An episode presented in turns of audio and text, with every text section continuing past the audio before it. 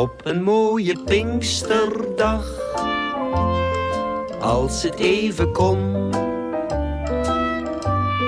liep ik met mijn dochter aan het handje in het park te kuieren in de zon.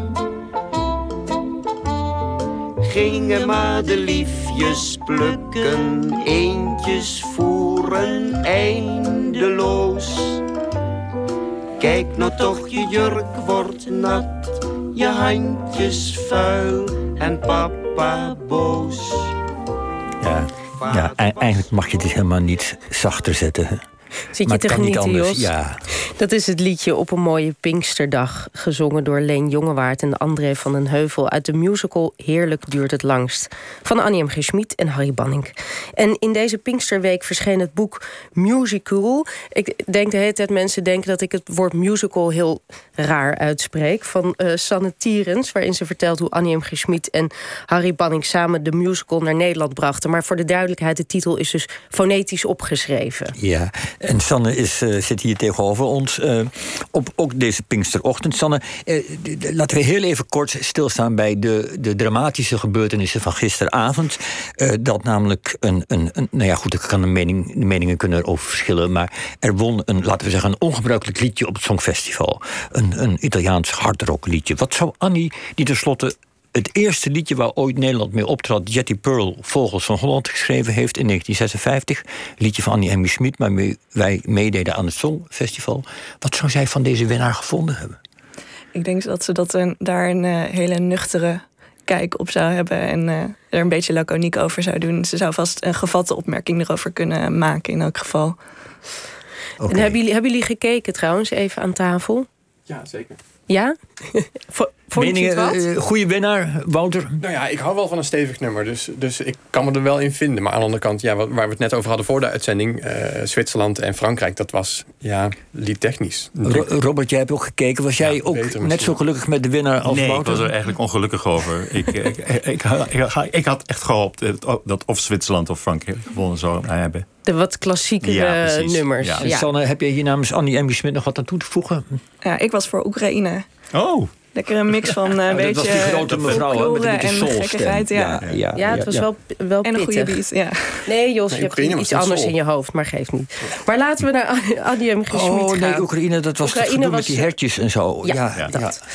Uh, in de tekst... Um, uh, we gaan even naar je boek, dus uh, he, uh, fonetisch geschreven. Dus musical. waarom, waarom heb je die titel gekozen? Ja, die titel komt van Annie zelf. Uh, zij schreef zo dit woord op in het voorwoord van haar allereerste musical, Heerlijk duurt het langst. Uh, ze schreef daar, ik hou niet van een musical, dus kul met muziek. Want uh, het idee was dat iedereen dan toch wel dacht dat het mislukt. en dat had ermee te maken dat musicals tussen 1960 en 1965 niet zo'n goede reputatie hadden, omdat er heel veel uit het buitenland was gehaald dat niet echt aansloeg in Nederland. Ja. Dus je bedoelde het eigenlijk een beetje of ja, misschien zichzelf te beschermen ook. Ook dat, ja, inderdaad, om zich uh, als het ware bewust te tonen van de gekkigheden van dat genre en haar eigen werk er dan boven te plaatsen. En de standaard was natuurlijk heel hoog in de jaren 60, want dat vergeten we misschien. We hadden toen die film, The Sound of Music, en dat was natuurlijk ook een musical gewoon. Ja, volgens maar, mij kwam die net iets later pas. Nog ik was na... al bang dat je dat zou zeggen. um, maar goed, toch ging ze het doen. Waarom ging ze het doen? Werd ze gevraagd. Ze werd gevraagd. Ja. ja, dus uh, producent John de Kranen die had het idee om een. Uh, nou, eerst, in eerste instantie om een. Hij wilde een uh, voorstelling voor Connie Stewart brengen. Want die uh, zat uh, in die tijd een beetje zonder werk. Of in ieder geval, hij vond dat zij weer een podium verdiende. Dus hij ging een musical voor haar, wilde die naar Nederland halen. Vroeg of Annie die wilde vertalen. Uh, nou ja, waarop zij de beroemde woorden sprak. zolang ik zoveel ideeën heb, vertaal ik niks. Dacht meneer Kramer. En toen opperde hij of, of ze dan niet inderdaad een eigen musical wilde schrijven en zo geschieden. En dat deed zij toen samen met Harry Banning. Hoe kwam hij erbij? Uh, het was Connie Stewart die um, uh, met de naam Harry Banning kwam. Want het idee was dat uh, musicals hadden een wat moderner geluid nodig. En dat zou hij goed kunnen bieden. Dus het moest wat opgefrist worden, het, het Ja, niet een ouderwets klassiek geluid in elk geval, ja. Die eerste musical heet Heerlijk duurt het langst, uh, uit 1965... waar het liedje Op een mooie Pinksterdag dus ook uitkomt, wat dat we net hoorden. Waar gaat die musical over?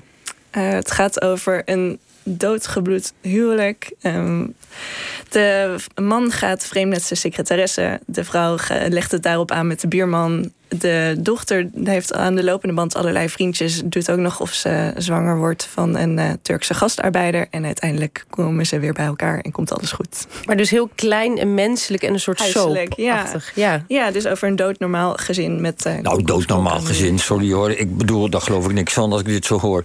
Uh, het klinkt wat aan de, aan de, aan de vele kant. Een, een, een, nou ja, goed, vreemdgaan, dochter met, met buitenlanden... wat toen best een probleem was. Mm. Dus was zij zit er iets van, ik wil dat Nederland een beetje aan die brave bom van het burger Nederland schudden. Wat, wat, wat, wat maakte dat ze dit soort dingen schreef? Uh, ja, nou sowieso hield zij wel een beetje van provoceren, inderdaad. En uh, tegen heilige huisjes aanschoppen. En dat deed ze dus ook in die eerste musical door uh, een affaire te laten zien. En de anticonceptiepil uitgebreid tentoon te stellen in een scène gelinkt aan de, aan de secretaresse. De hoofdpersoon mocht daar dan weer niet mee geassocieerd worden, want dat was dan weer iets te progressief. Uh, maar ja, dat, dat uh, vond ze belangrijk genoeg om even de nadruk op te leggen in die musical. En hoe werd die ontvangen? Uh, laaiend enthousiast. Ja, uh, iets van, uh, even denken, rond meer dan 400 voorstellingen zijn er gespeeld. Nou, dat was echt ongekend in die tijd voor een musical. Laat staan een Nederlandse musical, want voor, daarvoor waren die er nog nauwelijks. En zeker niet in zo'n grote opzet en met zoveel succes. want het succes van, van die musicals, lezen we ook in het boek, is ook te, te danken aan buitenlandse expertise. Omdat we het dus in Nederland niet echt kenden. Ging Annie ook zelf in het buitenland kijken naar hoe, hoe het moest? Ja, uh, ze ging inderdaad uh, kijken naar hoe dat gedaan wordt vanuit het idee dat ze, nou ja, ze zei zelf altijd dat ze eigenlijk niet wist wat een musical was toen ze begon ter, aan haar eerste. Ze had wel al My Fair Lady gezien in Nederland en ze ging ook inderdaad naar Engeland, naar Londen om te kijken wat daar gemaakt werd, zodat ze daarvan kon leren. En, en zijn ze ook naar Amerika geweest? Ja, later wel. Dus uh, rond 1967 en rond 1970 nog een keer. Uh, en, uh, Arnie zag er vooral heel veel dat ze lelijk vond. dus ook leerde ze daarvan hoe het dan niet moest. En niet dat ouderwetse bombastische geluid. Ze hield meer van de moderne experimentele musicals. Zullen we even gaan luisteren naar nog misschien wel het beroemdste liedje uit de musicals van Annie M. Schmid en Harry Banning, want die deed de muziek. Zullen we eerst even naar dat liedje gaan luisteren? Vluchten kan niet meer. Hier in Holland sterft de laatste vlinder op de allerlaatste bloem. En alle muziek die overblijft is de supersonische boem. Ja, we horen de supersonische boom. Um, waar gaat dit liedje over? Wat hoor jij? Ja, die supersonische boom, daarmee wordt de Koude Oorlog uh, bedoeld. De wapenwetloop die volop aan de gang was toen. Uh, de musical zelf gaat over een jongen die eigenlijk niet in de maatschappij wilt... omdat er allerlei vervelende kanten aan zitten, zoals dus oorlog... Die ook op de achtergrond speelt. Hij weet niet of hij een baan van 9 tot 5 wil, of hij een vriendin wil voor de rest van zijn leven. En uiteindelijk wil hij aan die maatschappij ontvluchten. Uh, en maakt hij een eigen alternatief. En daar zingt, zingen ze over. In vluchten kan niet meer. Je eigen alternatiefje met of zonder boterbriefje. Dat was hem toch? Ja. Is, is nou zo dat, dat. Ik heb altijd het idee met Annie M. Schmid. Je hebt dan die, die, die leuke kinderboeken. Hè? Je hebt een Janneke, Puk en een Pettenflat met mevrouw hoe heet ze, Helderder of zoiets. Um, dat heeft iets lichts zit diezelfde lichtheid. Dit klinkt allemaal toch best ook wel zwaar. Zware onderwerpen, zware thema's. Zit er ook lichtheid in? Zeker, ja. En vertel eens, noem, eens een voorbeeld. Nou, um, nou, Foxtrot is een mooi voorbeeld uit 1977. Het gaat, speelt zich af vlak voor de Tweede Wereldoorlog. Um, en gaat eigenlijk over het feit dat dus um, de mensen in het verhaal niet willen zien dat die oorlog eraan komt. En ze vluchten in het theater. En dus er zitten hele mooie, groots opgezette shownummers in. Heel veel zilveren glittergordijnen, uh, overdadige kostuums. Uh, Annie omschreef het zelf als een bittere bonbon in een zilveren papiertje. En dat dekt de lading wel heel goed. Ja. Laten we even luisteren. En daar sta je dan alleen. En daar sta je dan op straat.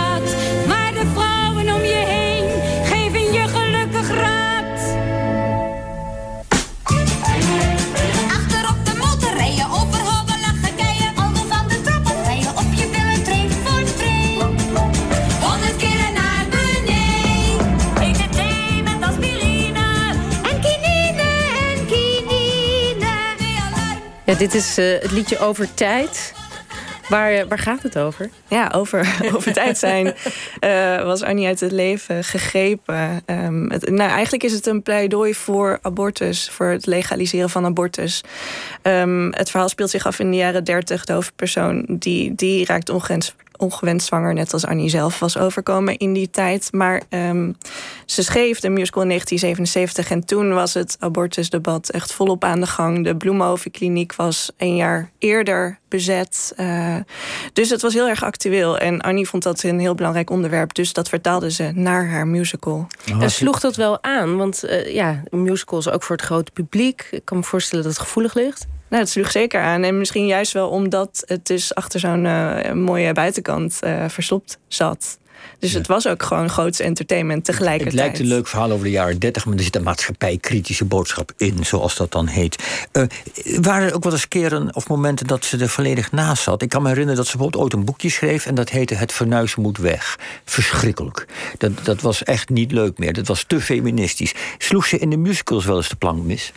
Ja, uh, dat zou je kunnen zeggen over Madame in 1981. Dat ging over feministen. Ze, die musical, uh, daarin zetten ze een de prostituees naast feministen in het verhaal. En uh, de, de, de feministen die schilderden ze eigenlijk af als karikaturen. Dat waren uh, lesbische feministen die politiek lesbisch waren geworden. En dat, dat, um, nou ja, dat had iets uh, van een parodie. En de echte feministen die waren daar natuurlijk niet blij mee. Dus die protesteerden dan ook volop tegen die musical voor het theater. Met gingen ze pamfletten uitdelen, de voorstelling verstoren, sneeuwballen op de kasbus gooien, dat soort dingen. Dat Zo. klinkt uh, ja. heftig. Ja, er is wel een mooi hoorspel van gemaakt Zeker, later. Ja, die is heel leuk, inderdaad. Ja. Ja. Um, ja, als je het nou moet samenvatten, wat is de, de betekenis nou van die musicals van Annie M. Schmid? Uh, houdt ze ons een spiegel voor? Of, wat ja, dat zou je inderdaad zeker kunnen zeggen. Ja, dus... En wat zien we dan?